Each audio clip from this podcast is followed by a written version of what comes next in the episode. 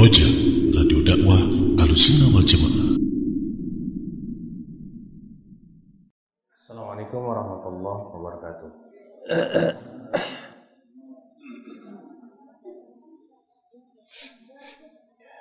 Rabbil Alamin Wassalatu wassalamu ala ashrafil anbiya wal mursalin Nabiina Muhammadin wa alihi wa sahbihi wa man tabi'ahum bi ihsanin ila yaumiddin أشهد أن لا إله إلا الله وحده لا شريك له وأشهد أن محمدا عبده ورسوله سيد المرسلين.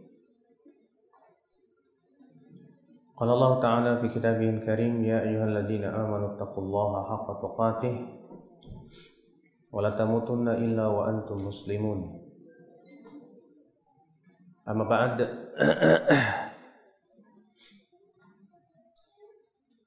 فإن أصدق الحديث كتاب الله وآخر الهدي هدي محمد صلى الله عليه وسلم وشر الأمور محدثاتها وكل محدثة بدعة wa kullu bid'atin dhalalatun wa kullu dhalalatin finnar. Bapak dan Ibu sekalian, alhamdulillah kita bersyukur kepada Allah atas limpahan karunia dan nikmat yang Allah berikan kepada kita, terutama nikmat Islam dan nikmat iman. Kita melanjutkan kajian al-usul salasahnya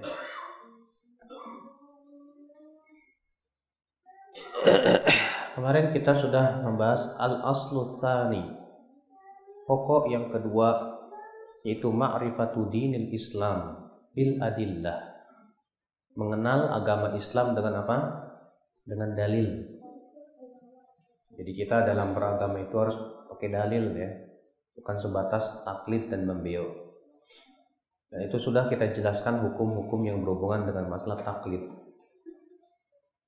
Kemudian beliau menyebutkan apa sih Islam itu? Kata beliau wahwal istislamu lillahi bitauhid. Islam itu artinya istislam lillahi bitauhid. Menyerahkan diri kepada Allah dengan cara mentauhidkan Allah dan tidak mempersekutukannya tentunya. Ya. Wal intiyadu lahu bitta'ah. Yang kedua, tunduk dengan ketaatan. Sebab ketika kita menyerahkan diri kepada Allah tapi kita tidak menaati Allah, ya, tidak dikatakan itu Islam. Hakikat Islam itu adalah seseorang betul-betul menyerahkan diri, dirinya kepada Allah. Lalu ia tunduk kepada Allah ya dengan sebenar-benarnya ketundukan. Kemudian wal bara'atu minasyirki wa ahli. Kemudian berlepas diri dari kesyirikan dan pelakunya. Dan ini semua sudah kita bahas pada pertemuan atau bulan kemarin ya. Sekarang kita lanjutkan wahwa salatu maratib. Dan Islam itu ada tiga martabat. Islam itu ada berapa? Ada tiga tingkatan. Apa itu? Yang pertama al-Islam. Yang kedua al-iman. Yang ketiga al-ihsan. Tingkatan pertama Islam. Tingkatan kedua di atasnya apa? Iman. Tingkatan yang ketiga apa? Ihsan. Dan inilah ya akhi tingkatan yang disebutkan oleh Rasulullah Sallallahu Alaihi Wasallam di dalam hadis Jibril yang panjang nanti akan disebutkan oleh beliau. Yang jelas Islam itu tiga tingkatan. Yang pertama Islam, yang kedua iman, yang ketiga ihsan. Apa bedanya Islam dengan iman? Kalau kita perhatikan penjelasan Nabi SAW, ketika Rasulullah menjelaskan tentang rukun-rukun Islam, rukun iman, akan kita dapati ya perbedaan yang sangat jelas sekali. Rukun Islam ada berapa? Hah? Ada dua. Ada lima. yang pertama apa? Dua kalimat syahadat. Yang kedua sholat. Yang ketiga Hah? Puasa Ramadan dulu. Zakat. Kemudian puasa Ramadan. Ada orang yang mengatakan harusnya Ramadan dulu baru zakat katanya. Kita katakan, loh kok bisa gitu? Iya, kan kita puasa dulu baru ngeluarin zakat. Kita katakan emangnya zakat cuma zakat fitur. Ya, zakat harta dikemanain? Ya.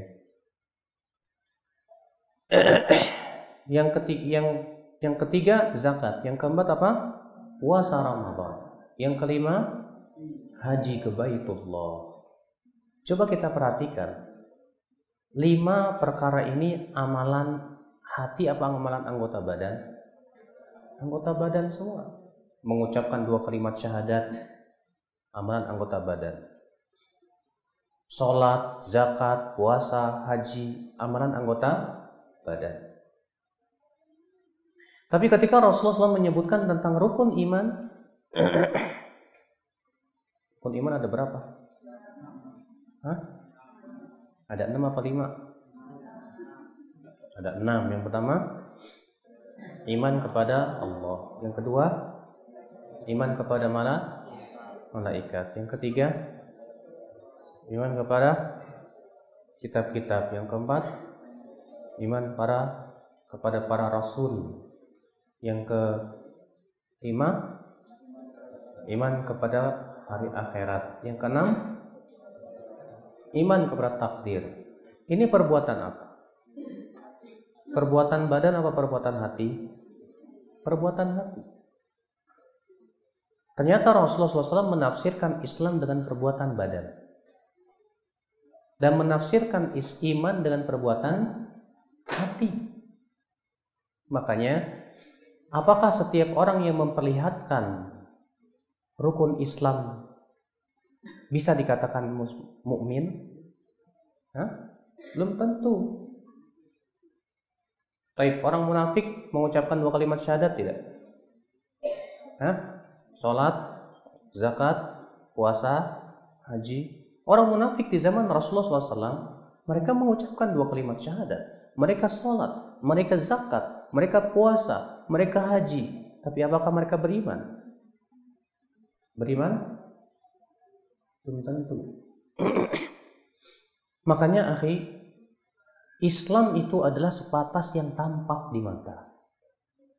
Siapa saja yang memperlihatkan kepada kita sholat, zakat, puasa, dua kalimat syahadat, haji, maka kita hukumi dia sebagai seorang mus muslim. Adapun masalah dia seorang mukmin yang betul-betul sempurna keimanannya, baru kita hukumi kalau memang dia betul-betul beriman kepada Allah, kehidupan akhirat, kepada para nabi, pada malaikat. Ikhwatat iman, a'azakumullah. Maka dari itu, ya akhi, a'azakumullah. Islam identik dengan amalan anggota badan. Dan iman identik dengan amalan ha? hati. Rasulullah SAW dalam hadis lain ketika menafsirkan Islam, dalam hadis yang dikeluarkan Bukhari dan Muslim, Rasulullah SAW ditanya, Ayul Muslim khair ya Rasulullah. Ayul Islam khair. Hai Rasulullah, Islam apa yang paling baik? Hai Rasulullah, Islam apa yang paling baik? Kata Rasulullah, tut'imut ta'am wa taqra'us salam ala man arafta wa man lam ta'rif. Islam yang paling baik itu kamu memberikan makan dan kamu mengucap, mengucapkan salam kepada orang yang kamu kenal maupun yang kamu tidak kenal. Amalan apa ini? Hah? Anggota badan. Rasulullah SAW juga ketika menyebutkan tentang hakikat muslim, Rasulullah SAW apa? Al-muslimu man salimal muslimuna min lisani wa yadih. Muslim itu adalah yang muslim lain selamat dari apa? Hah? kejahatan lisan dan tangannya. Muslim itu hakikatnya yaitu yang muslim lain selamat dari kejahatan lisan dan tangannya. Rasulullah SAW kembali menafsirkan dalam hadis ini dengan perbuatan apa? Anggota badan. Ya. Jadi inilah Islam. Memang terjadi per- perbedaan pendapat para ulama, apakah Islam dan iman itu sama ataukah berbeda? Kalau Imam Bukhari dalam sahihnya lebih condong kepada pendapat yang mengatakan bahwa Islam dan iman itu sama. Sedangkan jumhur ulama mengatakan bahwa Islam dan iman itu perkara yang berbeda. Dalilnya hadis ini. Ketika Rasulullah SAW menafsirkan Islam, beliau menafsirkan dengan rukun Islam yang lima. Ketika Rasulullah menyebutkan tentang iman, Rasulullah menafsirkan dengan rukun iman yang yang enam. Di antara juga firman Allah di dalam surat apa itu? Di dalam surat Al-Hujurat. Allah berfirman, "Qalatil a'rabu amanna." Berkata orang-orang Arab Badui itu, "Amanna, kami beriman." Maka Allah berfirman apa? Qul lam tu'minu walakin qulu aslamna. Katakan kalian belum beriman. Tapi ucapkan kami Islam. Perhatikan ya, ketika orang Arab Badui ini berkata kami iman, ternyata Allah mengatakan apa? Jangan kamu katakan kami iman, tapi katakan kami apa? Kami Islam. Di sini Allah membedakan antara iman dan Islam ya. Allah mengatakan walamma yadkhulul imanu fi qulubikum karena iman yang sempurna itu belumlah ada pada di hati pada hati-hati kalian itu. Ikhwatul iman azakumullah. Sekarang saya mau tanya, setiap mukmin muslim tidak? Muslim. Tapi apakah setiap muslim itu mukmin? Tidak. Setiap mukmin pasti muslim. Tapi belum tentu setiap muslim itu mau mukmin, belum tentu. Maka dari itu ya akhi azakumullah Imam Ahmad bin Hambal ketika membedakan siapa mukmin, siapa muslim. Kata Imam Ahmad, al-muslim huwallazi yartaqibul kabirah. Muslim itu adalah yang masih suka berbuat dosa besar. Iya. Sedangkan mukmin itu adalah yang menjalankan perintah dan menjauhi larangan. Itulah mukmin. Makanya akal Islam orang yang berbuat dosa besar tidak kita mutlakan dia sebagai seorang mukmin yang sempurna. Tapi kita katakan huwa mu'minun bi imanihi fasiqun bi kabiratihi. Dia mukmin dengan imannya tapi dia fasik dengan dosa besarnya.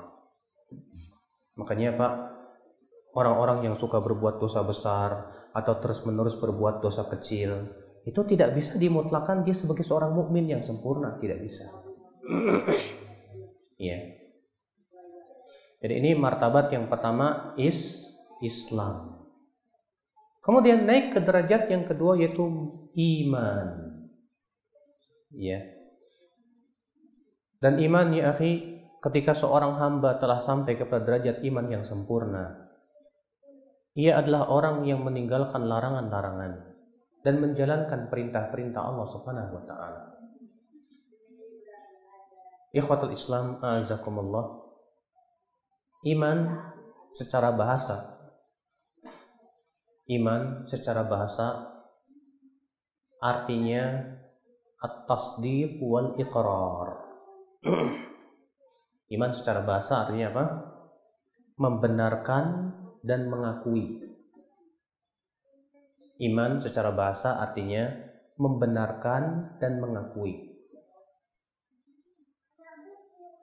Adapun secara istilah, iman artinya i'tiqadun bil janan wa nutqun bil lisan wa amalun bil arkan Iman artinya meyakini dengan hati, lalu mengucapkan dengan lisan,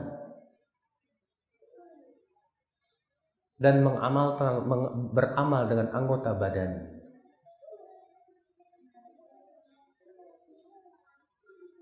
Iman itu apa?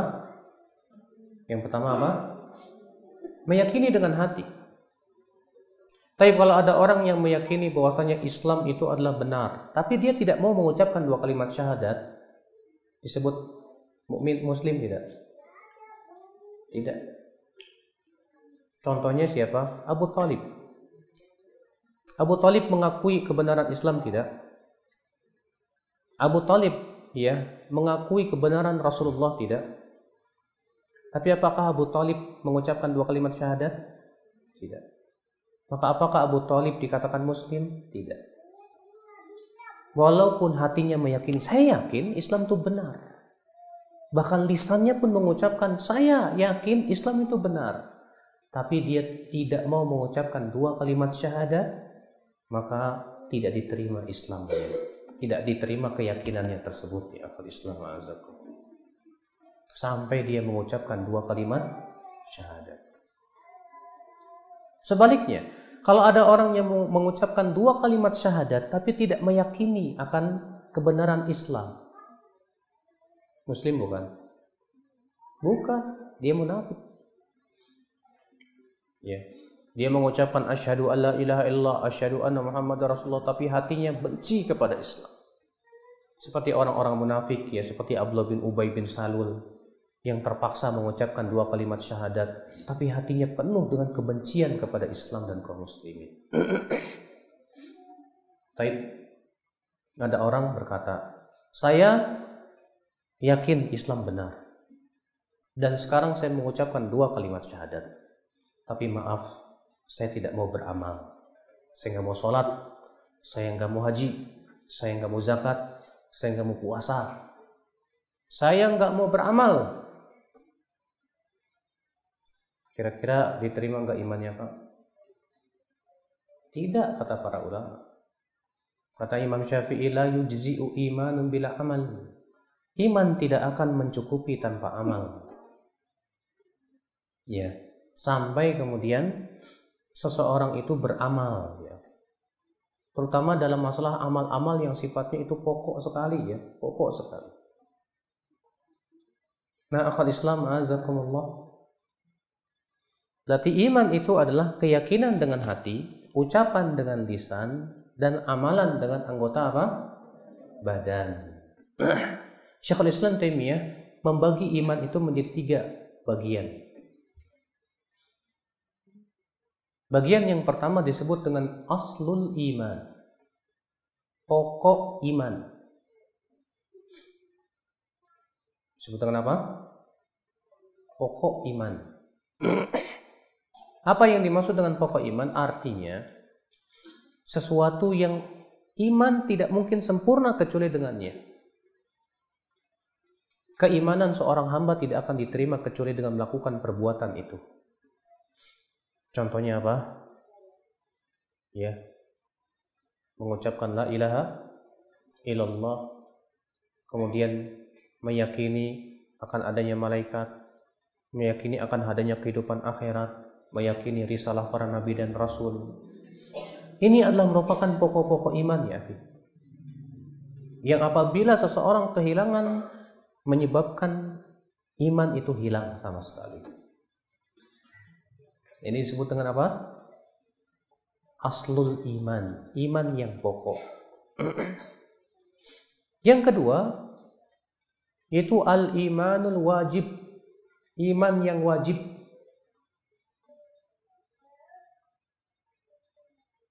Apa itu iman yang wajib ya akhi? Iman yang wajib adalah suatu perbuatan yang apabila ditinggalkan menyebabkan hilangnya kesempurnaan iman.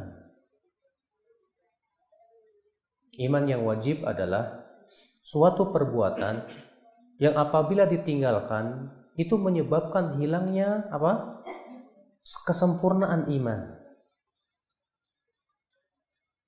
Contohnya apa Pak? Semua perkara yang diwajibkan oleh Allah. Semua perkara yang diwajibkan oleh Allah, maka itu adalah al-imanul wajib. Iman yang wajib. yang ketiga, yang disebut dengan al-imanul mustahab. Iman yang sunnah, yang mustahab. Nah ini penyempurna Pak Nah, kalau kita kehilangan iman yang mustahab ini kata para ulama, itu tidak mempengaruhi kesempurnaan iman, tapi mempengaruhi apa? keutamaan. Kita kehilangan keutamaan iman. Iya. Yeah. Nah, ini adalah merupakan tiga apa namanya? pokok iman. Ahlu sunnah wal jamaah meyakini bahwa iman itu bertambah dan berkurang. Annal iman yazid wa yanqus. Bahwasanya iman itu bertambah dan berkurang. Yazidu bi ta'ati rahman wa yanqusu bi ta'ati syaitan. Di mana iman itu bertambah dengan menaati Allah dan iman itu berkurang dengan menaati setan. Ya. yeah. Dan itu subhanallah ditunjukkan oleh Al-Quran, hadis, dan ijma para ulama. Adapun dalam Al-Quran memang ya akhi ya, kalau kita menemukan dalam Al-Quran, kita akan kita baca ayat Al-Quran, kita belum pernah menemukan ayat yang menyebutkan bahwa iman itu berkurang. Yang ada adalah bertambah. Ya. Yeah. Seperti misalnya Allah menyebutkan tentang kisah perang Uhud di di di, di, di surat apa itu? Uh, dalam surat Ali Imran. Allah berfirman, "Fazadathum imana wa hum yastabshirun." Bertambahlah keimanan mereka dan mereka pun bergembira. Ya. Yeah. Namun kata para ulama, sesuatu yang bertambah pasti menerima pengurangan. Maka dari itu, dan kita rasakan sendiri bahwa iman itu bertambah dan berkurang. Terkadang hari ini kita semangat dalam ketaatan. Terkadang hari esok kita apa? Ya kurang semangat dalam ketaatan. Itu sesuatu yang pasti kita rasakan ya. Ya akan adanya ke, apa iman yang bertambah dan iman yang berkurang. Nah ini berbeda ya akhi ya dengan orang-orang murjiah dan orang-orang khawarij.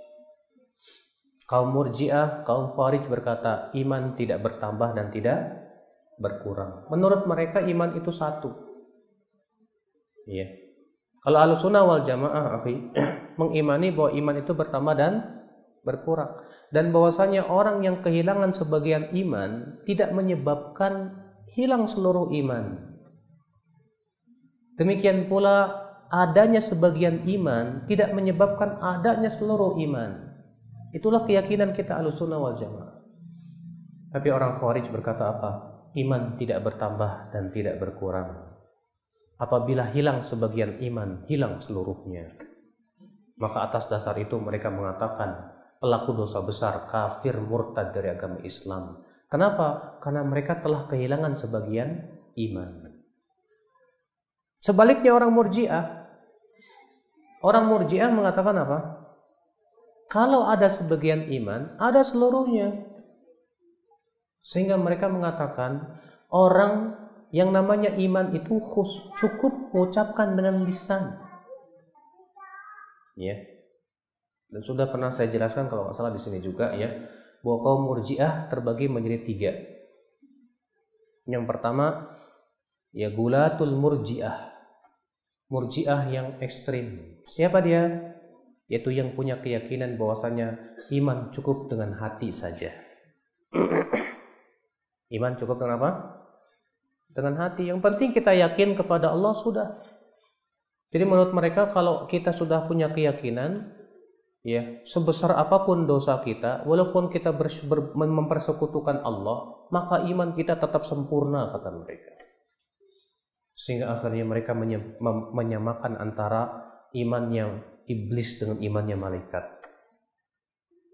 Mereka menyamakan antara imannya para nabi dan rasul dengan imannya orang-orang yang fasik. Ini murjiah yang disebut dengan gulatul murjiah. Ada lagi yang disebut dengan al-qaramitah. Siapa mereka? Mereka yang orang-orang yang berkata iman itu cukup ucapan dengan lisan. Kalau ada orang yang mengucapkan dengan lisannya, ya, asyhadu alla ilaha illallah, sudah sempurna, sudah cukup imannya. Walaupun dia melakukan dosa-dosa yang paling besar sekalipun juga, kata mereka itu tidak mempengaruhi iman. Makanya Murji'ah mengatakan apa? Amal itu bukan bagian dari iman. Murji'ah itu mengatakan amal tidak mempengaruhi kesempurnaan iman. Sedangkan ahlu sunnah mengatakan amal sangat mempengaruhi kesempurnaan apa? Iman. Yang ketiga, murjiatul fuqaha.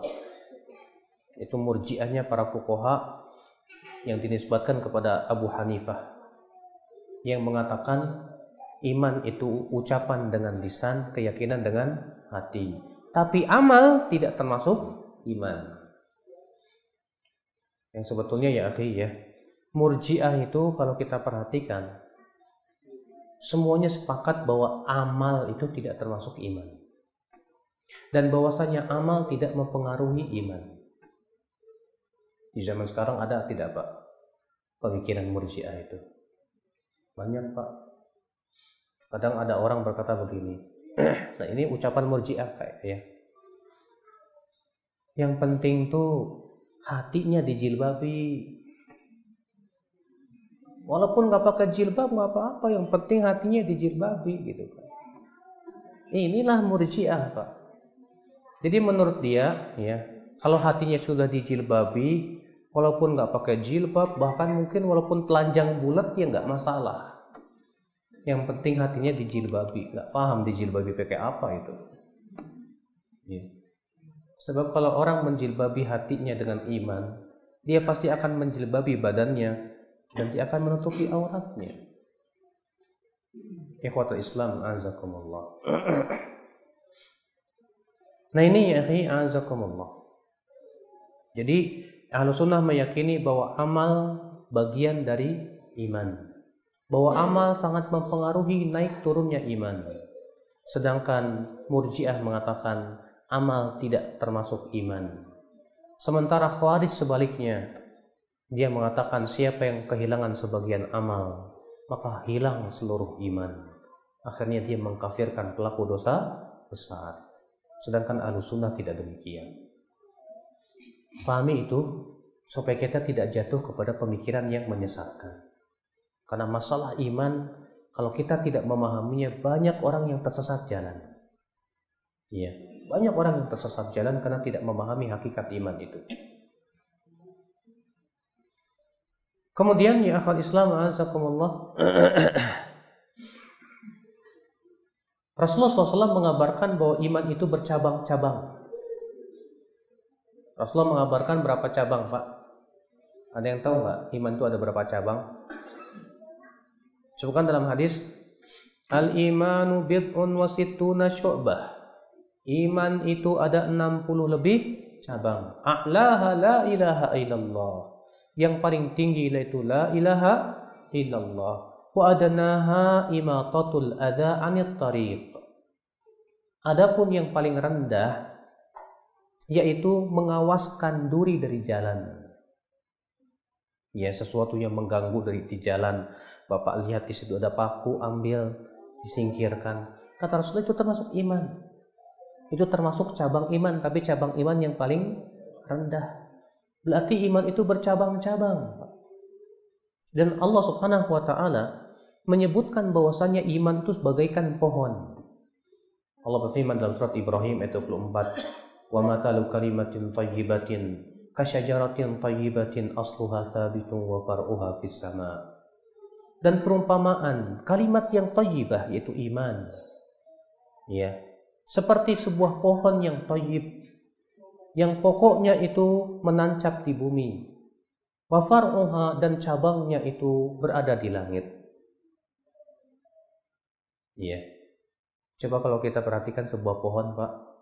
Pohon itu terdiri daripada pokok batang yang ia berdiri di atasnya.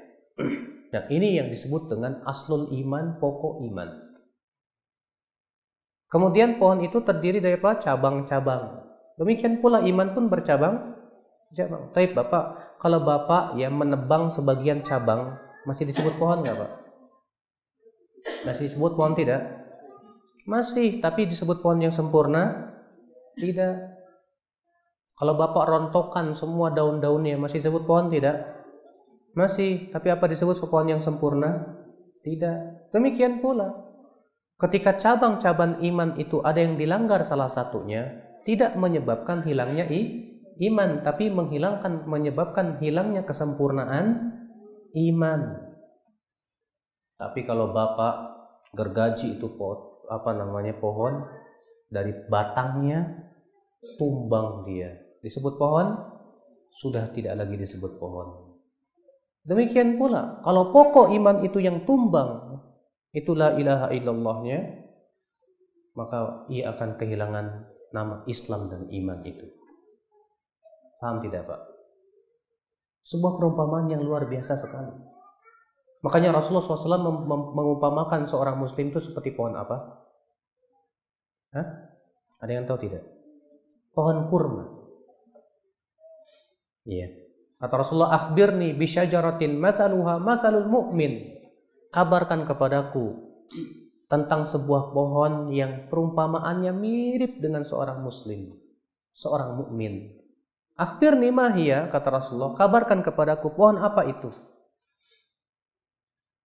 Iya, rupanya para sahabat mikir, Iya, rata-rata mikirin yang ada di pedesaan-pedesaan. Maka Rasulullah bersabda, "Hiya nakhlah." Dia adalah pohon kurma. Dia adalah pohon pohon kurma. Ya akhwat Islam azakumullah. Jadi itulah iman ya akhi. Iman bertambah dengan ketaatan. Kalau kita terus menaati Allah, beramal soleh, insya Allah iman itu akan subur dan kubur. Iya. Tapi ketika kita berbuat maksiat, iman itu akan mulai berkurang dan redup. Semakin banyak berbuat maksiat, semakin berkurang dan redup. Bahkan iman itu akan mati sama sekali. Ikhwatul Islam azakumullah. Sekarang ihsan. nah ini ihsan nih Pak ya, derajat yang paling tinggi Pak. Derajat yang paling tinggi itu apa? Ihsan. Kita baca lagi Kata beliau wahwa salah satu maratib. Islam itu ada tiga tingkatan. Yang pertama Islam al-Islam, yang kedua al-iman dan yang ketiga apa? Al-ihsan. Wa kullu martabatin laha arkan. Dan setiap martabat ini mempunyai rukun-rukunnya. Setiap martabat ini mempunyai apa? Rukun-rukunnya. Fa arkanul islami khamsatun Kata beliau, rukun Islam itu ada lima. Yang pertama apa? Syahadatu alla ilaha illallah. Pernah nggak kita membahas tentang makna syahadat? Hah? Pernah nggak? Belum ya? Tapi ketika Bapak berkata ashadu, kalau bahasa Indonesia apa Pak? Ashadu itu artinya aku bersaksi. Tapi kalau Bapak berkata kepada seorang hakim, Pak Hakim, saya siap menjadi saksi dan saya siap bersaksi dalam kejadian tersebut. Kenapa Bapak berani bersaksi? Hah? Orang berani bersaksi itu kenapa? Hah? Karena apa? Karena dia punya ilmunya kan, Pak. Saya berani bersaksi Pak karena saya menyaksikan kejadian itu dengan mata kepala saya sendiri. Jadi saya punya ilmunya dan saya betul-betul yakin. Ya enggak? Latih orang yang mengatakan asyhadu aku bersaksi harus ada itu Pak. Seorang yang mengatakan asyhadu alla ilaha illallah aku bersaksi bahwa tidak ada ilah yang berhak disembah kecuali Allah. Berarti dia harus bersaksi di atas ilmu dan di atas keyakinan. Iya. Bapak berani bersaksi kalau Bapak tidak punya ilmunya? Bapak dimintai saksi. Aduh Pak, saya nggak berani Pak. Saya nggak nggak tahu soalnya ilmunya. Ya, Bapak nggak berani bersaksi. Kenapa? Karena Bapak tidak punya ilmunya. Bapak pun juga tidak punya keyakinan tentang hal itu. Berarti orang yang mengucapkan asyhadu yang itu merupakan syahadat wajib dia betul-betul berilmu tentang apa yang ia persaksikan.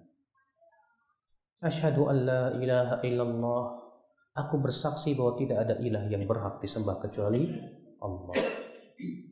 Harus punya ilmu. Yang kedua harus yakin. Makanya para ulama menyebutkan ya bahwasanya la ilaha illallah ada berapa syarat? Saya pernah menyebutkan di sini. La ilallah ada berapa syarat? Ada dua. Sedikit amat. Hah? Ada tujuh. Ibu-ibu ada berapa bu? Pernah nyatet nggak bu? Hah? Nggak pernah. Pernah nggak saya di sini menjelaskan tentang tujuh syarat la ilaha illallah? Hah? Pernah nggak sih? Saya bingung nih bapak-bapak pada bengong aja.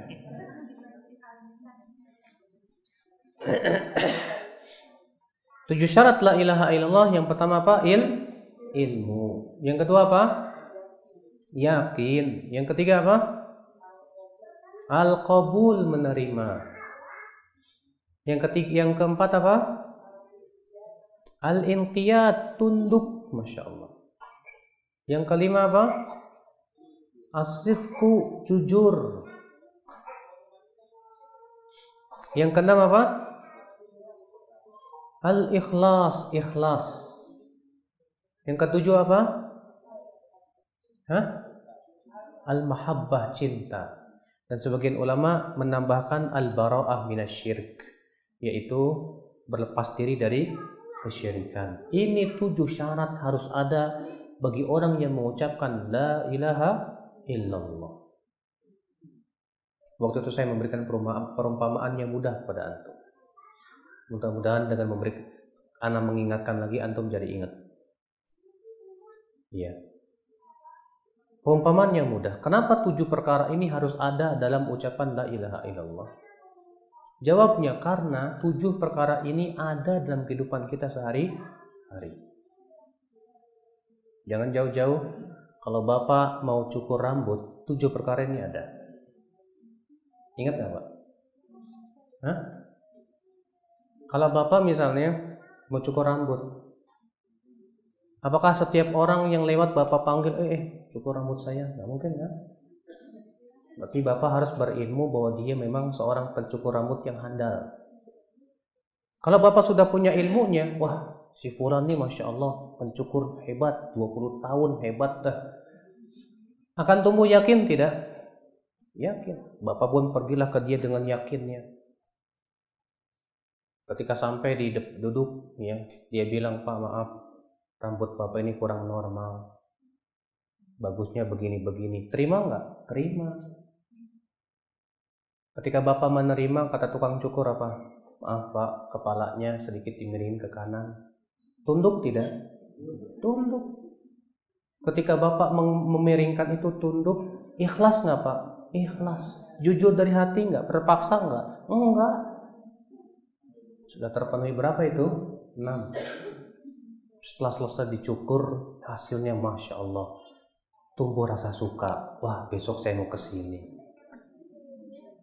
Besok-besok saya mau ke sini lagi. Ternyata tujuh perkara ini ada dalam kehidupan kita. Iya tidak? Kalau itu dalam mencukur saja ada, maka la ilaha illallah lebih berhak lagi. Tapi terkadang Pak ya, ketundukan kita kepada tukang cukur lebih loh Pak. Ya. Kadang sama sama tukang cukur, ayo Mas maaf Mas, kepalanya ke kiri ke kiri Nggak pernah Bapak bertanya, kenapa sih harus ke kiri? Tapi kalau kita disuruh sama Allah, hai perempuan pakai jilbab, panas. Ya. Ya begitulah ya akhi, azakumullah. Padahal ketundukan kita kepada Allah ya akhi, mutlak. Ya, betul-betul kita tunduk yang sempurna kepada Allah Subhanahu wa taala. Syahadat Allah ilaha illallah wa anna Muhammadar Rasulullah dan bersaksi bahwasanya Muhammad itu Rasul Rasulullah dan persaksian Muhammad Rasulullah mencakup empat perkara. Apa itu? Tasdiqu fima akhbar. Membenarkan semua yang dikabarkan oleh Rasulullah SAW selama riwayatnya sahih. Walaupun itu tidak masuk di akal kita, wajib dibenarkan. Semua Rasul yang Rasulullah kabarkan kepada kita, baik itu yang telah lalu maupun yang akan datang, wajib dibenarkan, Pak. Baik itu masuk di akal atau tidak, tidak masuk di akal, wajib dibenarkan. Kenapa? Karena Rasulullah tidak mungkin berbicara dari hawa hawa nafsu. Wa ma yantiqu 'anil hawa in huwa illa wahyu yuha. Tidaklah Muhammad itu berbicara dari hawa nafsunya, akan tetapi ia adalah wahyu yang Allah wahyukan kepadanya. Yang kedua apa? Imtithalu ma'amar. Mempraktekkan perintah-perintah Rasul. Semua perintah Rasulullah praktekan. Ucapkan sami'na wa ata'na. Iya. Yang ketiga, ijtinabu ma'naha anhu wa zajar. Meninggalkan semua yang dilarang oleh Rasulullah sallallahu alaihi wasallam. Semua yang dilarang oleh Rasulullah tinggalkan ya akal Islam azakumullah. Kemudian apa? yang terakhir wa alla yu'badallahu illa bima syara'a. Itu bahwasanya kita tidak boleh beribadah kepada Allah kecuali sesuai dengan syariat Rasulullah sallallahu alaihi wasallam.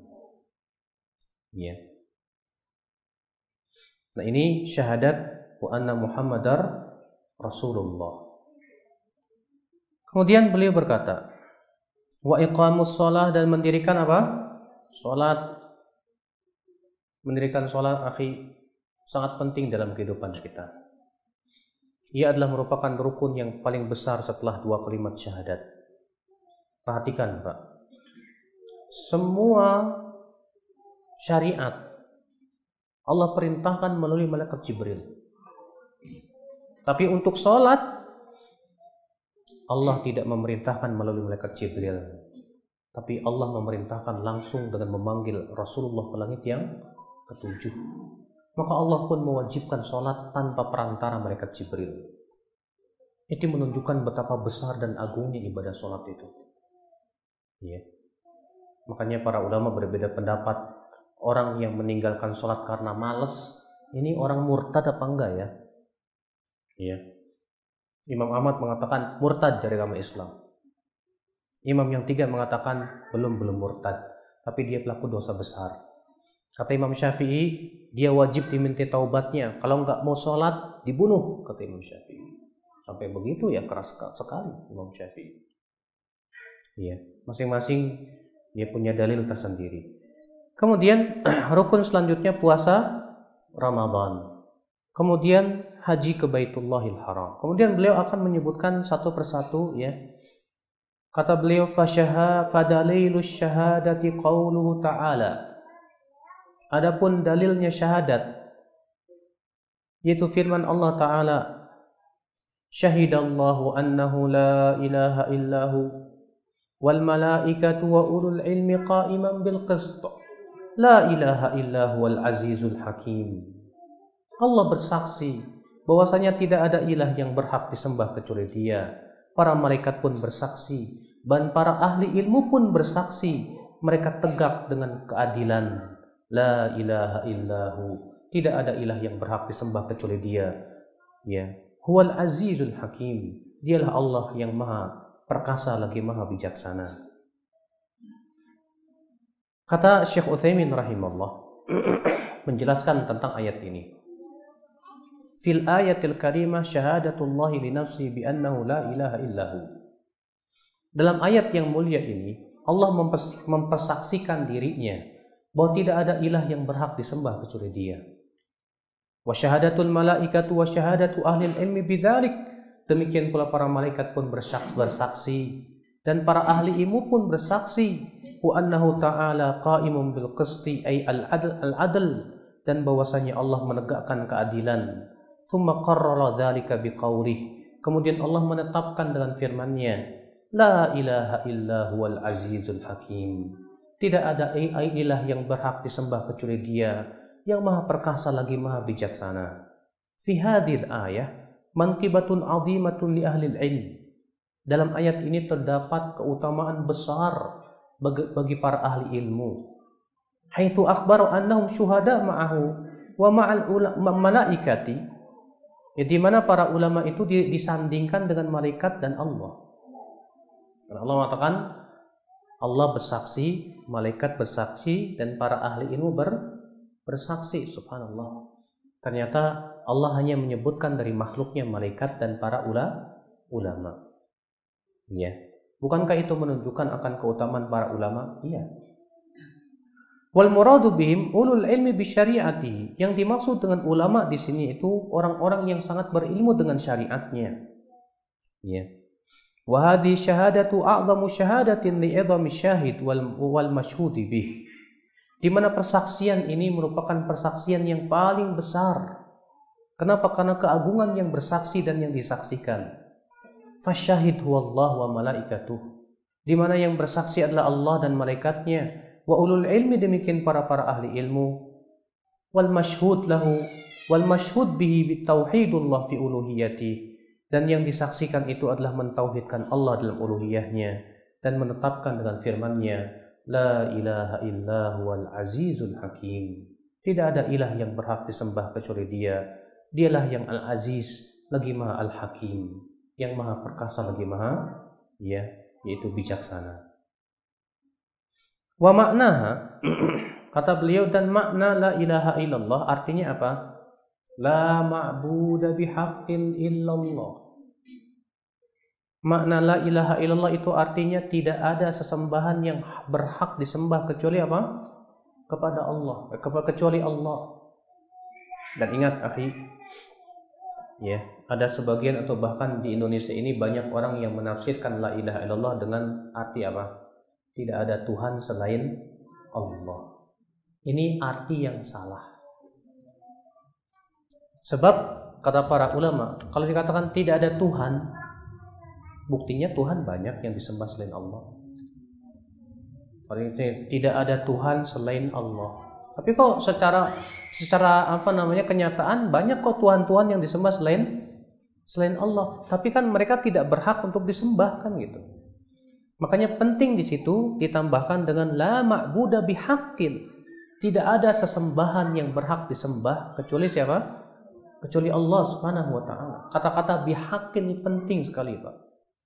Untuk membedakan antara sesembahan yang berhak disembah dengan sesembahan yang tidak berhak disembah. Yang berhak disembah hanyalah Allah Subhanahu wa taala saja. Adapun selain Allah tidak berhak disembah. Ya. Kemudian kata beliau, la ilaha illallah ter, ya, terdiri dari dua rukun. Yang pertama apa? La ilaha nafian jami'a ma yu'bad min dunillah. La ilaha artinya meniadakan seluruh yang disembah selain Allah. Kemudian yang kedua apa? Rukunnya yaitu illallah. Muthbitan al-ibadata lillahi wahdahu la syarika lahu fi ibadati. Yaitu menetapkan bahwa ibadah itu hanya untuk Allah saja. Tidak ada sekutu bagi Allah Subhanahu wa taala dalam ibadah kepadanya. Kama annahu la syarika lahu fi mulki. Sebagaimana tidak ada sekutu bagi Allah dalam kerajaannya, maka tidak ada sekutu bagi Allah dalam ibadah kepadanya. Ya. Berarti la ilaha illallah terdiri dari dua rukun. Rukun yang pertama apa? Nafi itu yang diucapkan dalam la ilaha. Artinya meniadakan semua sesembahan-sesembahan selain Allah. Illallah artinya apa? Isbat menetapkan. Artinya menetapkan bahwa Allah satu-satunya zat yang berhak apa? Diibadahi. Ya.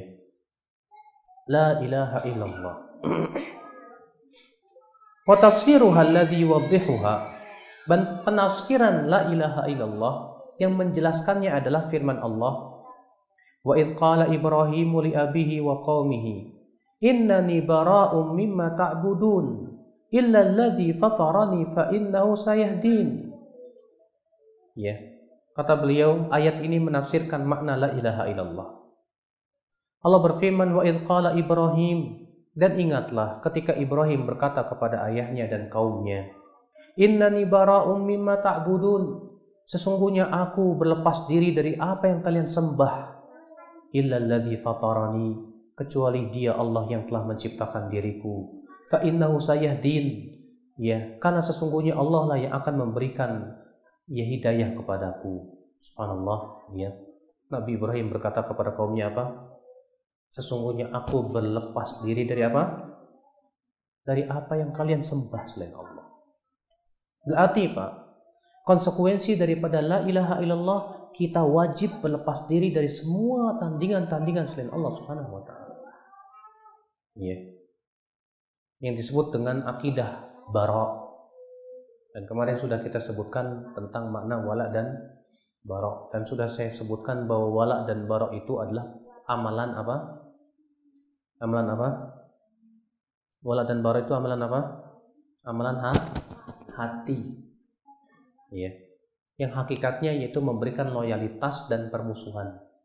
Yang hakikatnya adalah seseorang melepas diri dari setiap tandingan-tandingan selain selain Allah Subhanahu wa taala. Maka dari itu, akhi ya, semua yang bersifat dan berbau syirik wajib kita itu untuk meninggalkannya. Karena hakikat barok itu kata para ulama apa? Itu kita lari darinya dan menjauh sejauh-jauhnya. Ya, itulah barok.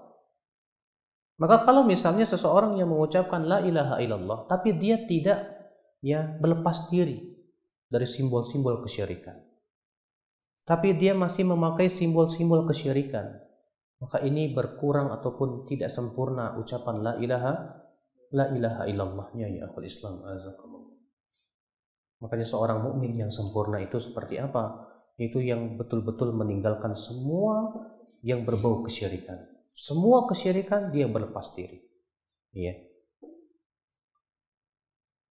Kemudian Allah juga berfirman, "Qul ya ahlal kitab, ta'alau ila kalimatin sawa'im bainana wa bainakum alla na'budu illallah wa la nusyrika bihi syai'a wa la yattakhidha ba'duna ba'dan arbaban min dunillah. Katakan hai ahli kitab, kemarilah kepada kalimat yang sama antara kami dan kalian itu agar kita tidak menyembah kecuali Allah saja dan kita tidak mempersekutukan Allah sedikit pun juga dan janganlah sebagian kita mengambil sebagian yang lainnya sebagai tandingan-tandingan selain Allah. Fa'in fa'in tawallau jika mereka berpaling Fakulu syhadu bi anna muslimun. Katakanlah, saksikanlah bahwa kami orang yang Islam. Ya. Dalam ayat ini akhir Islam azakumullah Allah mengatakan katakan kepada ahli kitab itu Kemarilah kepada kalimat yang sama antara kami dengan kalian. Kenapa kalimat yang sama, Pak? Karena ahli kitab itu sebetulnya ya, mereka mengakui bahwa mereka pengikut Nabi dan Rasul. Orang Yahudi mengikuti Nabi Musa, orang Nasrani mengikuti siapa?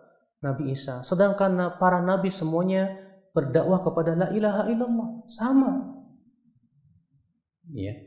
Maka Allah mengatakan kul ta'alau ila kalimatin salih. Kul ya ahlal kitab ta'alau ila kalimatin sawa'im baina wa bainakum. Ya bainana wa bainakum.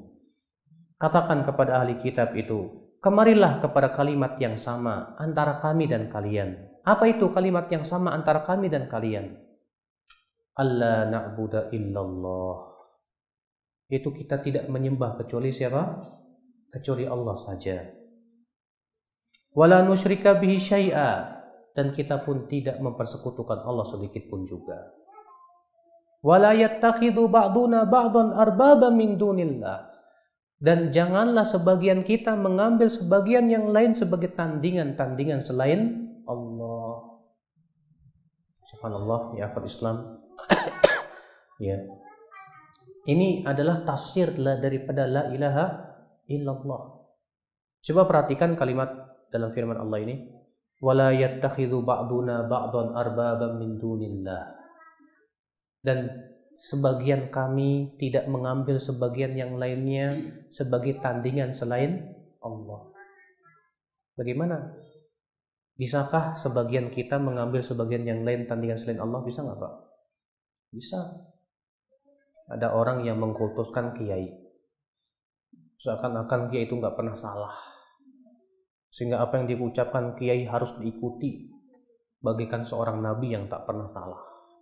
Bahkan kiai itu diagungkan selain Allah. Jadi dia sudah mengambil sebagian kita sebagai tandingan selain Allah. Ada lagi orang yang mengagungkan para wali sampai kuburannya di apa? Diagungkan selain Allah, bahkan dijadikan tempat ngalap berkah. Ya, yang kemudian orang-orang berduyun-duyun di kuburan. Ngapain? Beribadah di kuburan, berharap keberkahan para wali yang ada di kuburan. Berarti dia sudah mengambil sebagian kita sebagai tandingan selain selain Allah Subhanahu wa taala. Iya.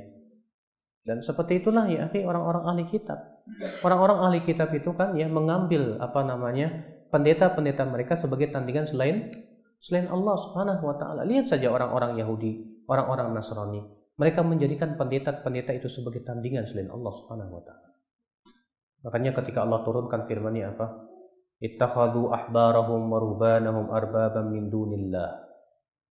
Mereka mengambil pendeta dan rahib-rahib mereka sebagai tandingan selain Allah. Apa kata Adi bin Hatim? Adi bin Hatim seorang sahabat yang tadinya Nasrani masuk Islam. Apa kata di Adi bin Hatim? Ya Rasulullah, lasna na'buduhum. Kami dahulu waktu masih Nasrani tidak pernah menyembah pendeta kami ya Rasul. Kami tidak pernah menyembah mereka, tidak. Tapi apa kata Rasulullah? Ya. Kata Rasulullah Shallallahu Alaihi Wasallam, bukankah ketika pendeta-pendeta kalian itu, ya, ini Bukankah ketika pendeta-pendeta kalian itu kata Rasulullah menghalalkan apa yang Allah haramkan, kalian pun mengikuti untuk menghalalkannya? Dan ketika pendeta-pendeta kalian itu mengharamkan apa yang Allah halalkan, kalian pun ikut mengharamkannya. Kata Adi bin Hatim apa? Betul hai Rasulullah. Maka Rasulullah bersabda apa Pak? Fatil ka ibadatuhum. Itulah ibadah mereka kepada para ya, para pendeta. Ikhwatul Islam azakumullah. ya. Jadi peribadahan orang-orang Yahudi dan Nasrani kepada pendeta itu apa Pak? Hah? Ketika pendeta-pendeta itu menghalalkan apa yang Allah haramkan, mereka apa? Menaatinya. Padahal mereka tahu itu haram. Ketika para pendeta itu mengharamkan apa yang Allah halalkan, mereka ikuti. Padahal mereka tahu itu halal. Maka demikian pula kalau kita jadikan sebagai kiai apa kata kiai halal? Ya halal. Kata kiai haram haram. Padahal kita tahu Allah mengharamkannya misalnya. Berarti kita sudah menjadikan kiai itu sebagai tandingan selain selain Allah Subhanahu wa taala. Ya akal Islam azakumullah ya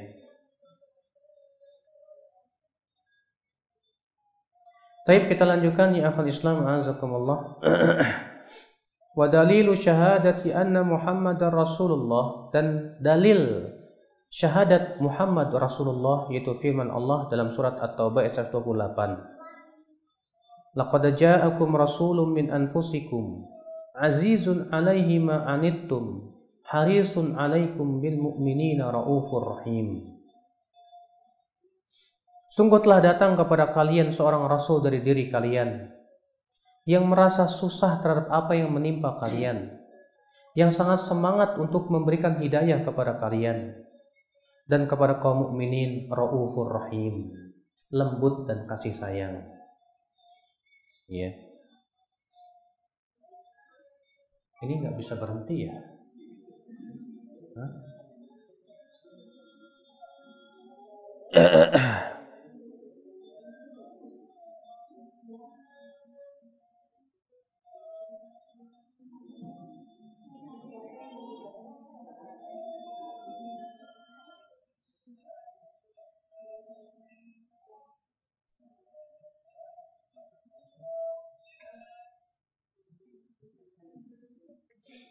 Iya. Dan dalil syahadat Muhammad Rasulullah yaitu firman Allah dalam surat apa? At-Taubah ayat 128. Laqad ja'akum rasulun min anfusikum azizun 'alaihi ma anittum harisun 'alaikum bil mu'minina raufur rahim. Sungguh telah datang seorang rasul dari diri kalian kepada kalian yang merasakan kesusahan terhadap apa yang menimpa kalian yang begitu semangat memberikan hidayah kepada kalian dan kepada kaum mukminin lembut dan kasih sayang. Subhanallah ya. Rasulullah SAW di sini disifati oleh Allah yang pertama azizun alaihi ma anittum. Rasulullah itu merasa susah terhadap apa yang menimpa umatnya. Makanya Rasulullah tidak mau menyusahkan umatnya, Pak. Kenapa Rasulullah tidak mau sholat taraweh tiap malam? Ya.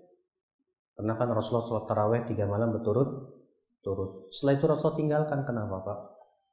Ternyata Rasulullah tidak apa Rasulullah tidak lakukan itu karena takut diwajibkan atas umatnya. Ya. Rasul tidak mau memberatkan umatnya.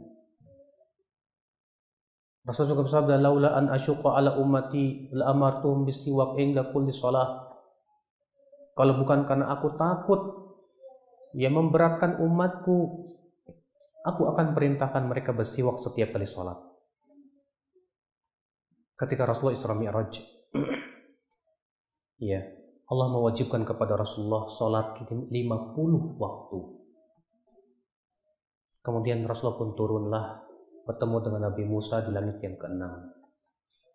Kata Nabi Musa kepada Rasulullah apa? Hai Muhammad, apa yang Allah wajibkan kepada umatmu? Kata Rasulullah, Allah wajibkan 50 waktu. Kata Nabi Musa, irji ila rabbik. Balik lagi kamu kepada Allah. Dan minta kepada Allah keringanan. Fa inna ummataka la tutiqu dzalik. Umatmu tidak akan mampu itu. Ya, dan sungguh aku telah berpengalaman dengan Bani Israel kata Nabi Musa. Akhirnya Rasulullah pun baik lagi kepada Allah minta keringanan. Dikasih potongan oleh Allah 5. Jadi 45. Balik lagi ketemu, ketemu kepada Nabi Musa. Nabi Musa bilang lagi, minta keringanan. Akhirnya bulak balik terus. Sampai tinggal 5. Ya. Kemudian Allah berfirman, Ya Muhammad, la yubaddalu qawlu ladai. Tidak akan lagi berubah. Dan sesungguhnya ia itu lima, tapi nilainya sama dengan lima puluh. Rasul pun turun. Nabi Musa berkata lagi, minta lagi keringanan. Umatmu tidak akan mampu itu. Kata Rasulullah, aku malu kepada Allah. Iya. Lihat, Rasulullah SAW sampai minta kepada Allah bulak balik antara Nabi Musa dengan Allah. Kenapa? Karena saking sayangnya Rasul Rasulullah Rasul tidak mau mem, mem, mem, apa, menyulitkan umatnya dan memang benar ya lima waktu aja masih banyak orang yang susah kok gimana lima puluh waktu coba yang lima waktu aja masih belang-belang orang bahkan ada orang malas sholat lima waktu gimana kalau itu lima puluh waktu subhanallah wa islam azakumullah maka Rasulullah SAW di sini di, di apa disifati oleh Allah azizun alaihi ma anittum Rasulullah itu orang yang sangat merasa berat terhadap apa yang menimpa umatnya. Ya, kenapa? Karena kasih sayang beliau. Harisun alaikum yang begitu semangat memberikan hidayah kepada umatnya. Sampai-sampai Rasulullah mengatakan, tidak ada satupun amalan yang bisa mendekatkan ke surga kecuali aku sudah jelaskan.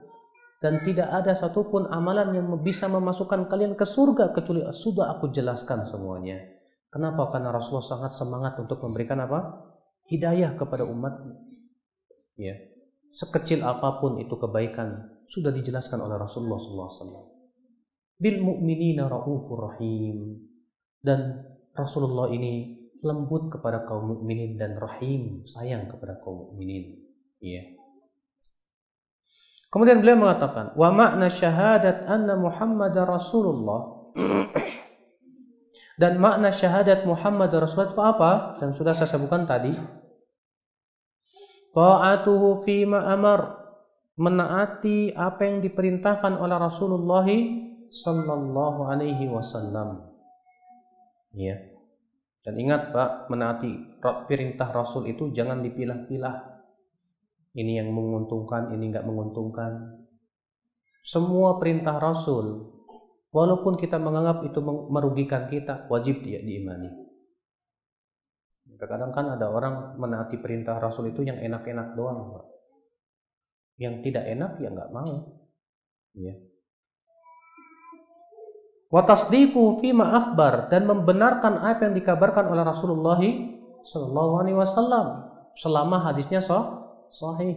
Tapi kalau hadisnya tidak sahih, doif bahkan palsu, ya nggak boleh kita benerin.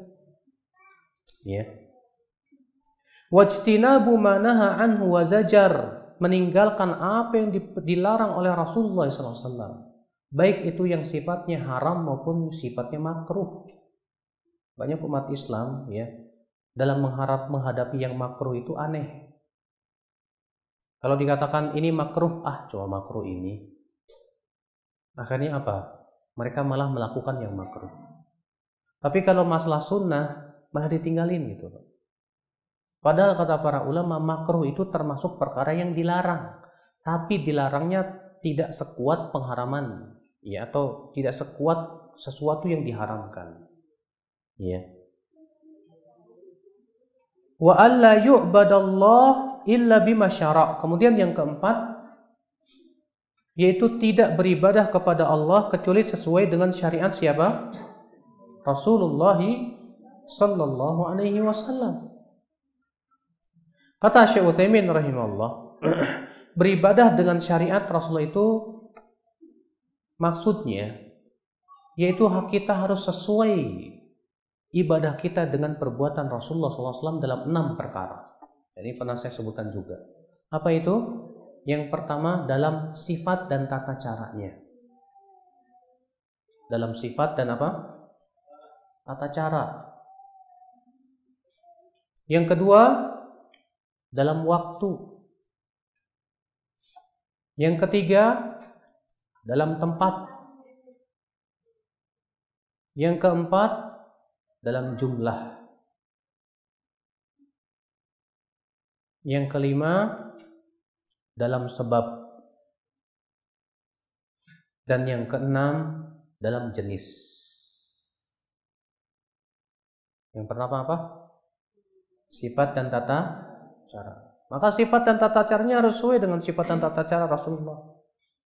Tentang sifat bagaimana sih sifat sholat Rasulullah dimulai dari takbiratul ihram sampai diakhiri dengan salam. Bagaimana sifat wudhunya Rasulullah SAW. Bagaimana sifat memandikan jenazah. Bagaimana semua yang sudah Rasulullah jelaskan sifat dan tata caranya Pak. Wajib tidak boleh kita menyelesaikan tata cara Rasulullah Sallallahu. Tapi kalau misalnya ibadah itu belum dijelaskan tata caranya gimana? Maka kita tidak boleh bikin cara sendiri. Tidak boleh kita apa? Membuat cara sendiri. Contoh misalnya apa? kalau ada orang yang berzikir sambil goyang-goyang kepala. La ilaha illallah. La illallah. Ya. Ditanya kenapa kok goyang-goyang kepala?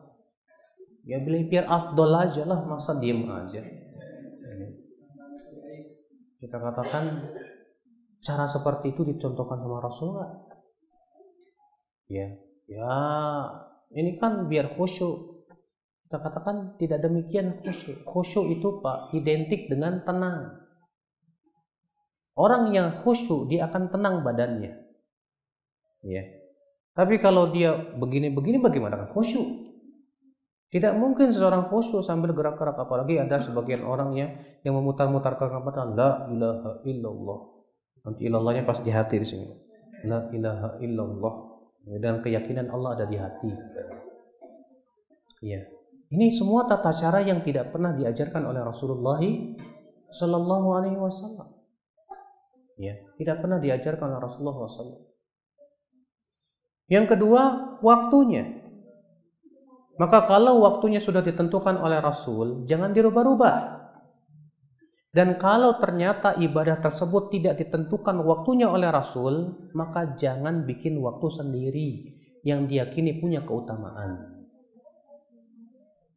Contoh misalnya ada orang berpuasa, kamu puasa apa? Ini puasa kelahiran saya. Ya kan dulu Rasulullah pernah ditanya, "Hai hey Rasulullah, ya tentang hari Senin bagaimana?" Kata Rasulullah itu hari yang aku dilahirkan padanya. Oh berarti Rasulullah SAW berpuasa ketika kelahiran. Ah saya juga mau berpuasa. Saya lahir hari Rebo. Saya mau puasa hari Rebo. Hari suara puasa apa itu? Puasa kelahiran. Padahal ya akhi, Rasulullah hanya ditanya tentang hari Senin. Rasulullah hanya mengatakan itu hari kelah kelahiranku. Adapun Rasulullah berpuasa di hari Senin dan Kamis, ada alasan lain. Apa itu dalam riwayat Abu Daud bahwa di hari Senin dan Kamis amalan-amalan itu ditampakkan kepada Allah. Dan Rasulullah suka amalan tersebut ditampakkan dalam keadaan beliau sedang ber, berpuasa. Makanya kita tidak pernah mendengar para sahabat bikin namanya puasa kelahiran. Coba Bapak buka dalam kitab-kitab fikih para ulama, ada nggak namanya puasa kelahiran? Nggak ada Pak. Ya, puasa kelahiran tuh nggak ada. Demikian pula tempat. Ibadah yang telah ditentukan tempatnya jangan dirubah-rubah. Yang namanya haji, tempatnya di mana? Di sana, Pak, di Mekah. Yang namanya wukuf di Arafah. Nah, kalau Bapak misalnya bikin haji ke tempat lain, Bapak haji ke mana? Ke Sulawesi. Di Sulawesi ada tuh di sebuah gunung Nah, di sana itu ada batu kayak Ka'bah. Mereka tawaf di sana, Pak. Maka mereka menyebutnya haji apa saya lupa tuh. Ya. Kita katakan ini syirik. Ya, Anda sudah membuat-buat tandingan yang diperintahkan oleh Allah. Tawaf itu hanya di Ka'bah. Adapun tawaf di selain Ka'bah itu kata para ulama termasuk kesyirikan. Ya. Kemudian yang keempat jumlah Ibadah yang telah ditentukan jumlahnya oleh Rasul jangan dirubah-rubah. Sebaliknya ibadah yang tidak ditentukan jumlahnya oleh Rasul jangan bikin-bikin jumlah sendiri. Ada orang datang ke Kiai, Pak Yai, kasih dong saya syariat. Kenapa? Saya kok belum dapat jodoh juga ya? Kasih dong amalan enteng jodoh. Kata Kiainya, sini baca la ilaha illallah seribu kali. Insya Allah enteng jodoh. Kita katakan ini jumlah seribu ini dari mana? Apakah Rasulullah pernah mengajarkan kepada umatnya yang mengucapkan la ilaha seribu itu bisa mengentengkan jodoh? Ini namanya bikin jumlah yang tidak ditentukan oleh syariat. Ini berbuat perkara yang diada-adakan Makanya ibadah yang tidak ada, tidak diberikan jumlah, nggak boleh membatasi sendiri, nggak boleh, Pak. Sebaliknya ibadah yang sudah ditentukan jumlahnya pun jangan dirubah-rubah. Ya, jangan dirubah-rubah. Kemudian yang keenam, eh, yang kelima sebab. Contohnya apa? Kalau ada orang yang bersin mengucapkan Alhamdulillah. Berarti sebab bersih, sebab mengucapkan alhamdulillah itu karena adanya ber, bersin. Nah, kalau sudah dijelaskan oleh Rasul, ikuti sesuai dengan perintah Rasul. Tapi kalau ternyata tidak diajarkan oleh Rasul, jangan bikin sebab sendiri. Misalnya Bapak ketika makan suka sendawa, eh, alhamdulillah. Kita katakan maaf, apa Rasulullah pernah mengajarkan kepada kita kalau sendawa itu baca Alhamdulillah? Loh, ini kan nikmat. Kata dia apa? Ini kan nikmat. Ya kita ucapkan Alhamdulillah dong. Kita katakan kata siapa nikmat? Ya. Yang saya tahu dalam dunia kesehatan, sendawa itu menunjukkan kepada kelemahan limpa. Orang yang sendawa itu menunjukkan limpanya lemah sehingga energinya berbalik. Itu yang saya pernah pelajari dalam dunia herbal. Alhamdulillah saya telah belajar di tiga tahun ya dalam dunia herbal. Itu justru menunjukkan bukan nikmat mas. Ya. Lagian juga Rasul tidak pernah mengajarkan bahwasanya apa? Habis sendawa itu apa? Ucapan la il apa alhamdulillah. Kalau anda katakan nikmat, kenapa nggak setiap kentut aja alhamdulillah? Doa kentut setiap kentut alhamdulillah nikmat. Apa pernah kita mendengar kalau Rasulullah dan para sahabatnya kalau kentut mengucapkan alhamdulillah? Ini namanya bikin apa? Sebab sendiri. Ya ada lagi misalnya ada orang datang ke orang pintar. Pak Kiai ini saya punya bisul apa ya doanya biar menghilangkan bisul ya. oh ini ini baca aja ayat ini yas'alunaka anil jibal faqul yansifuha rabbi nasfa mereka bertanya kepadamu tentang gunung katakanlah Allah akan menghancurkan sehancur-hancurnya Gunung aja hancur apalagi bisul. ya. Kita katakan apa pernah itu diajarkan oleh Rasulullah? Nah diajarkan tidak? Tidak pernah. Terkadang di TK-TK ya suka ada gurunya ngajarin, ayo anak-anak doa mau belajar. Kita katakan maaf, apa itu pernah diajarkan oleh Rasul? Ayo anak-anak kita baca doa mau kelas, mau masuk kelas. Kita katakan maaf, itu doa ajaran siapa ya? Buatan Anda atau buatan Rasulullah? Ingat doa itu ya tidak boleh membuat-buat doa untuk waktu tertentu kecuali dengan da dalil. Tidak boleh, ini masalahnya masalah syariat, Pak. Ini namanya pensyari pensyariatan. Ya. Kalau tidak ada dalilnya ya jangan bikin-bikin sendiri dong. Kemudian yang ketujuh, yang keenam yaitu jenis Ya. Ada orang berkorban, saya mau ber, berkorban pakai jerapah. Kata saya nggak sah, karena Allah hanya menyebutkan jenis itu tiga, sapi, kambing, unta. Kok ini jerapah? Ya. Kita katakan ini namanya membuat-buat jenis yang tidak pernah apa? Ya, ditentukan oleh Rasulullah, ya Allah dan Rasulnya. Nah ini Pak, Berarti kita tidak boleh beribadah kepada Allah kecuali sesuai dengan syariat siapa? Syariat Rasulullah Shallallahu Alaihi Wasallam.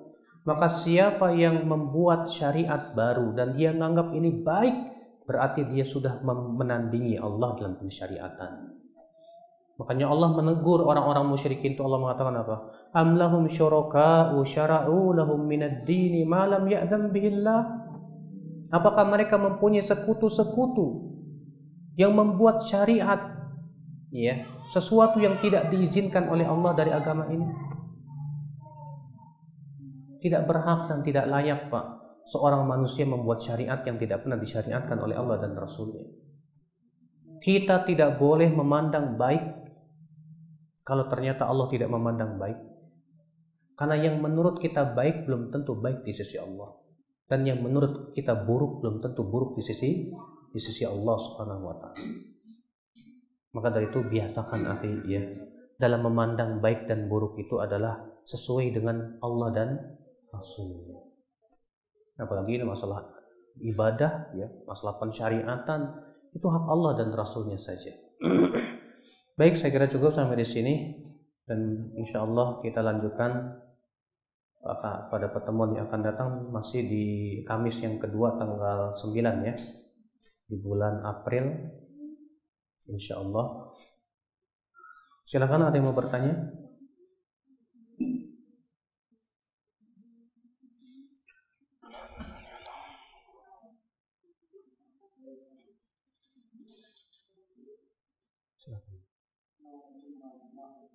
Assalamualaikum warahmatullahi wabarakatuh.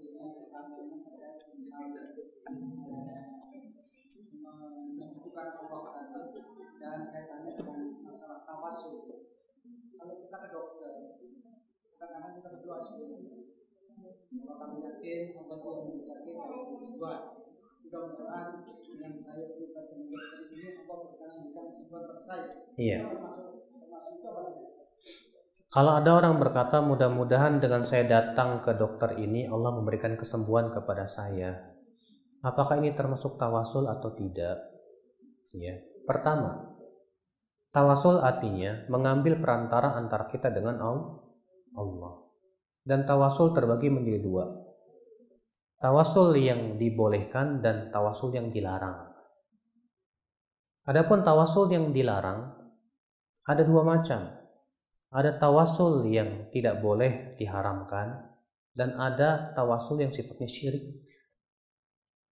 Adapun tawasul yang diharamkan yang pertama kata para ulama itu tawasul dengan kedudukan fulan, kedudukan para nabi, kedudukan para sahabat misalnya. Allahumma bihaqqi fulan wa fulan. Maka Abu Hanifah mengatakan ini termasuk bid'ah yang mungkar kata Abu Hanifah dalam kitab Al-Fiqhul Akbar. Yang syirik yang seperti apa? Yaitu tawasul kepada orang yang telah meninggal dunia dalam kuburannya. Ya, di mana Orang-orang musyrikin di zaman Quraisy terlebih di zaman dahulu. Ketika mereka ditanya siapa yang menciptakan langit dan bumi, mereka mengatakan Allah. Allah berfirman, "Wala in sa'altahum man khalaqas samawati wal arda la Allah." Kalau kamu bertanya kepada mereka, siapa yang menciptakan langit dan bumi? Mereka akan menjawab Allah. Tapi ketika mereka ditanya, kenapa kalian menyembah Lata dan Uzza? Dan Lata itu Pak, siapa Lata? Lata itu orang soleh yang kemudian ketika meninggal dunia dibangun patung di atas kuburannya. Ketika mereka ditanya, kenapa kalian menyembah Lata dan Uzza padahal kalian meyakini bahwa Allah yang menciptakan langit dan bumi? Apa kata mereka? Allah berfirman dalam surat Az-Zumar, Ya, walladzina takhadhu min duni awliya ma na'buduhum illa liyuqarribuna ila Allah zulfa. Dan orang-orang yang mengambil tandingan-tandingan selain Allah itu berkata apa? Kami tidak tidak menyembah mereka kecuali agar mereka mendekatkan diri kami kepada Allah sedekat dekatnya. Rupanya mereka tidak menyembah Lata dan Uzza. Tapi mereka menjadikan Lata dan Uzza sebagai perantaraan antara mereka dengan Allah. Ya. Adapun tawasul yang mubah atau disyariatkan yang pertama tawasul dengan orang soleh yang masih hidup ya dan hadir dengan mengatakan Pak doakan saya supaya Allah menyehatkan saya. Ini namanya apa? Tawasul. Yang kedua tawasul dengan asmaul husna dengan mengatakan wahai Allah yang maha pengampun lagi maha penyayang ampuni saya. Yang ketiga, tawasul melalui uh, apa namanya? amalan saleh dengan menyebutkan amalan soleh kita yang telah kita lakukan secara ikhlas lalu kemudian kita minta kepada Allah melalui amalan soleh tersebut seperti halnya seperti orang yang bersalawat untuk Rasulullah iya itu tawasul dengan amalan soleh itu salawat iya nah sekarang perkataan seseorang mudah-mudahan dengan Bapak Allah sembuhkan saya ini masuk dalam ittihadul asbab, mengambil sebab kesembuhan. Kenapa? Karena Rasulullah SAW memerintahkan umatnya untuk berobat tidak? Iya. Rasulullah tadawau ya ibadallah wala tadawau bil haram. Berobatlah wahai hamba Allah, tapi jangan berobat dengan yang ha yang haram. Maka orang yang mengatakan begitu, mudah-mudahan dengan sebab Bapak Allah sembuhkan saya, itu tidak masuk dalam tawasul tapi masuknya dalam ittikhadul asbab mengambil sebab kesembuhan. Ya yang diperintahkan oleh. Tapi ingat jangan sampai hati kita bersandar kepada dokter.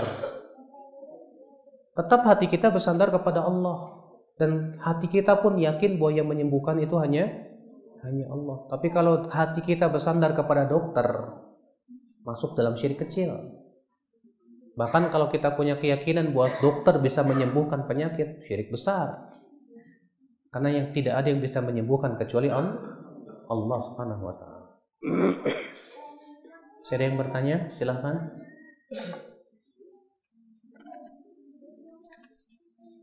Apa hukumnya memperjualbelikan obat herbal yang tertakan atau sudah dibacakan ayat-ayat ruqyah? Apakah boleh mengkonsumsinya? Membacakan Al-Quran kepada air atau sejenisnya boleh-boleh saja. Karena Rasulullah SAW dahulu dalam sebuah riwayat yang Hasan, yaitu Abu Daud, membacakan Al-Quran ke air. Kemudian diguyurkan ke orang yang sakit. Sembuh biiznillah. Maka hal seperti itu nggak masalah. Masih ada yang mau tanya silahkan.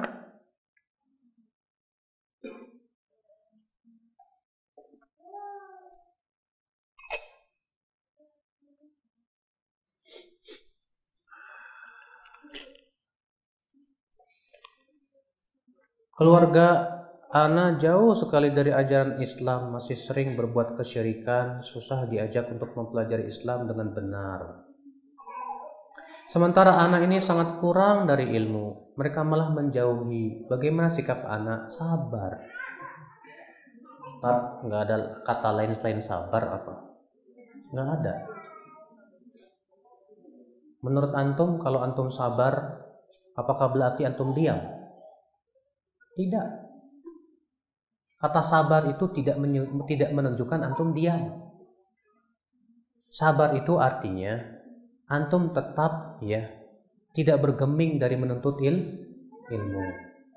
Sabar itu artinya antum tetap tidak bergeming untuk terus mendakwahkan mereka. Terus sabar, nuntut ilmu terus, menggali ilmu terus, sambil terus menyampaikan kepada mereka. Mereka mau menjauhi, mencemooh, bodoh amat. Yang penting Allah ridho kepada saya. Itu yang harus kita lakukan. Kalau Bapak mengeluh kepada saya, keluarga saya, saya katakan keluarga Rasul juga begitu. Dahulu yang mengusui Rasulullah siapa kalau bukan keluarganya? Abu Lahab, pamannya bukan? Abu Talib, eh Abu Talib, Abu Abu Jahal, pamannya bukan? Pamannya. Bahkan mereka ini orang yang paling sengit permusuhannya terhadap Rasul SAW. Jangan mengeluh. Ya, serahkan semuanya kepada Allah. Allah berfirman kepada Rasulnya, Fasbir sabran jamila. Sabarlah dengan sabar yang indah. Apa maksudnya sabar yang indah? Kata para ulama, sabar yang indah artinya sabar yang tidak disertai dengan dengan keluhan. Kalau kita masih ngeluh berarti sabar kita kurang indah, Mas. Iya. Saat kita kan harus berlepas diri dari apa-apa tentang kesyirikan.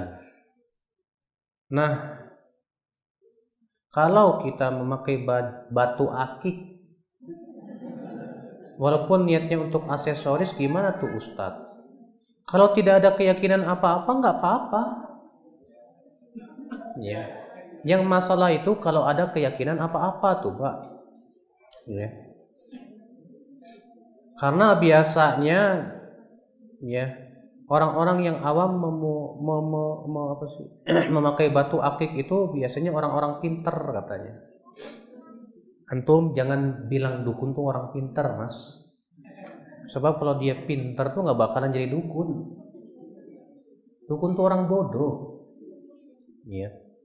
Dan orangnya cuma suka membodoh-bodohin orang. Iya. Iya kah? Sekarang ketika mereka bikin ini katanya bikin kaya raya, kenapa nggak mereka duluan jadi kaya? Iya. Itu kan namanya membodoh-bodohi, bukan orang pinter namanya. Kita katakan, akhi, iya. Batu akik itu masalah yang berhubungan dengan du, dunia. Semua hadis tentang keutamaan batu akik kata para ulama palsu. Dan pada asalnya yang berhubungan dengan masalah dunia itu ha, halal-halal saja. Kecuali kalau itu menjadi sebuah simbol. Misalnya simbolnya orang musyrik, simbolnya orang fasik. Kalau itu memang simbol mereka, kita jauhi. Tapi kalau itu bukan simbol mereka, ya nggak masalah. Seperti halnya kita pakai jam tangan, orang kafir pakai jam tangan. Kenapa ini bukan simbol mereka kok? Ya. Nah itu.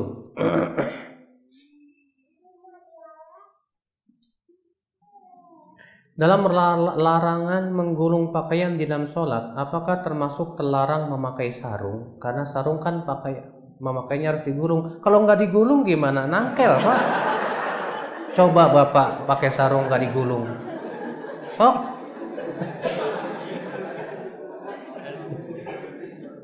Merot lagi, merot lagi.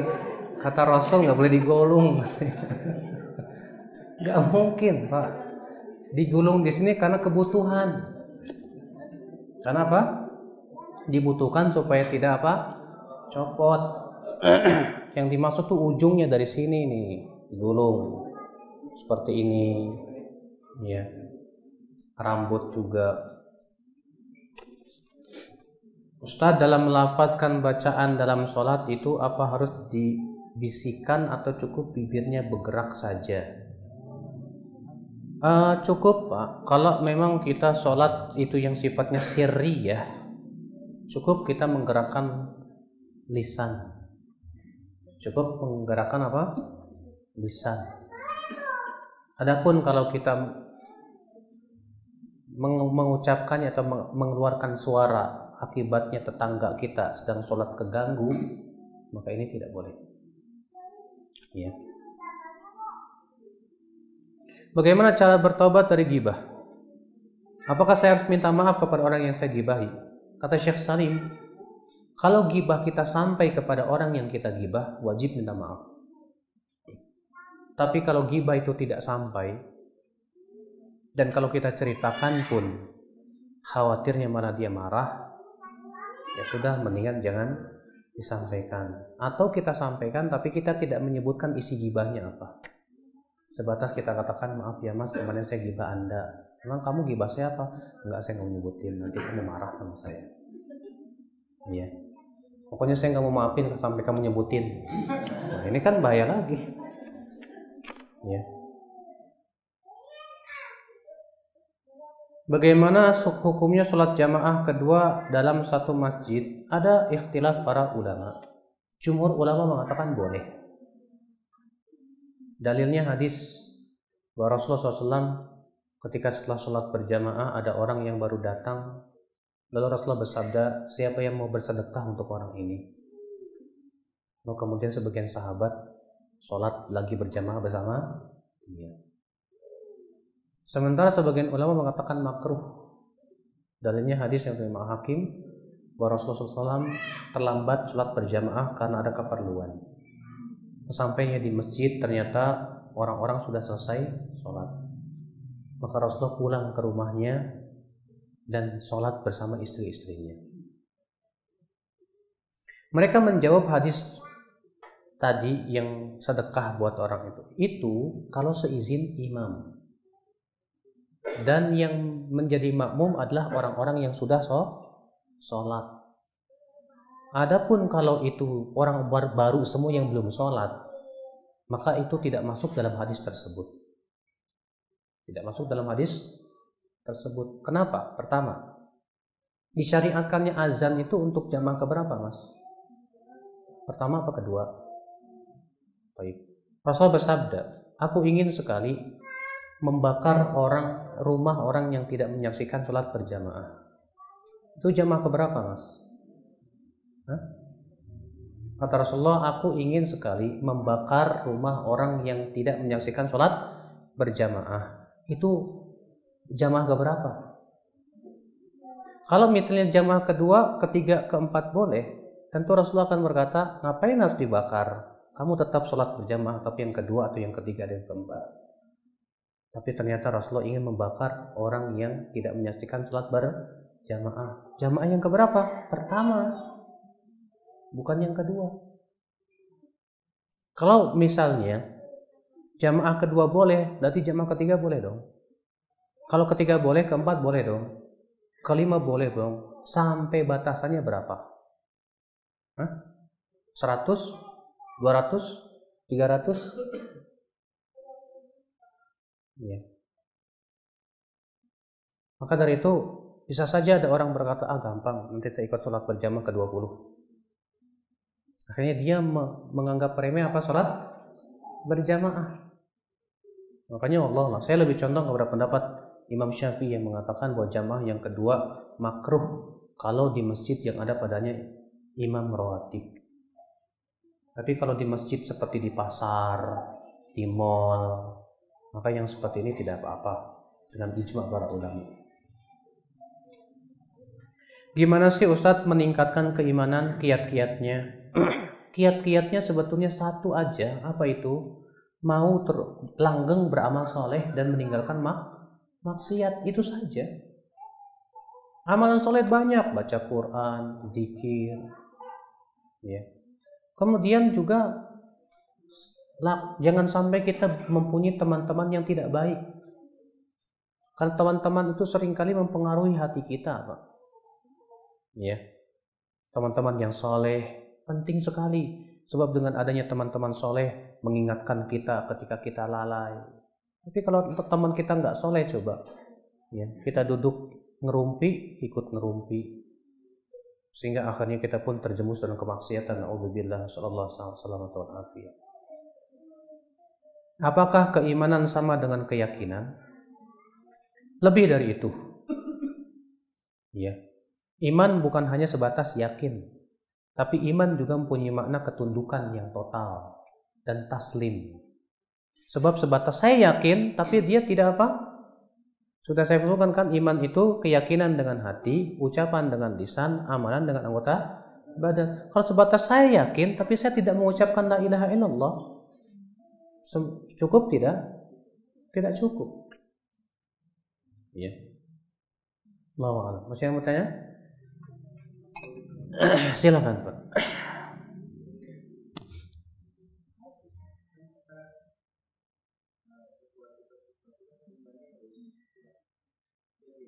Untuk melakukan sesuatu imannya harus kuat. Hah?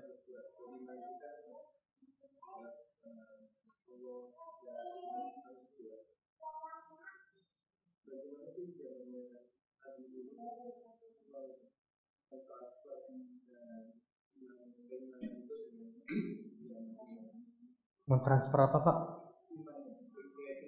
Mm -hmm. Mm -hmm. Betul.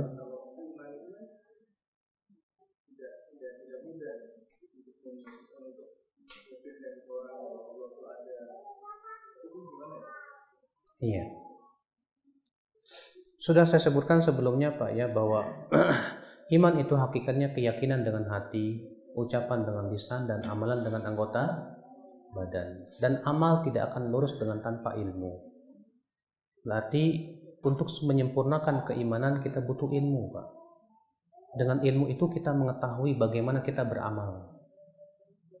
Nanti Pak ya, mungkin pertanyaan Bapak bagaimana mengokohkan keyakinan kita kepada Allah. Nah inilah butuh kepada ilmu. Sebab ketika ilmu Bapak sempurna, keyakinan Bapak pun akan semakin sempurna.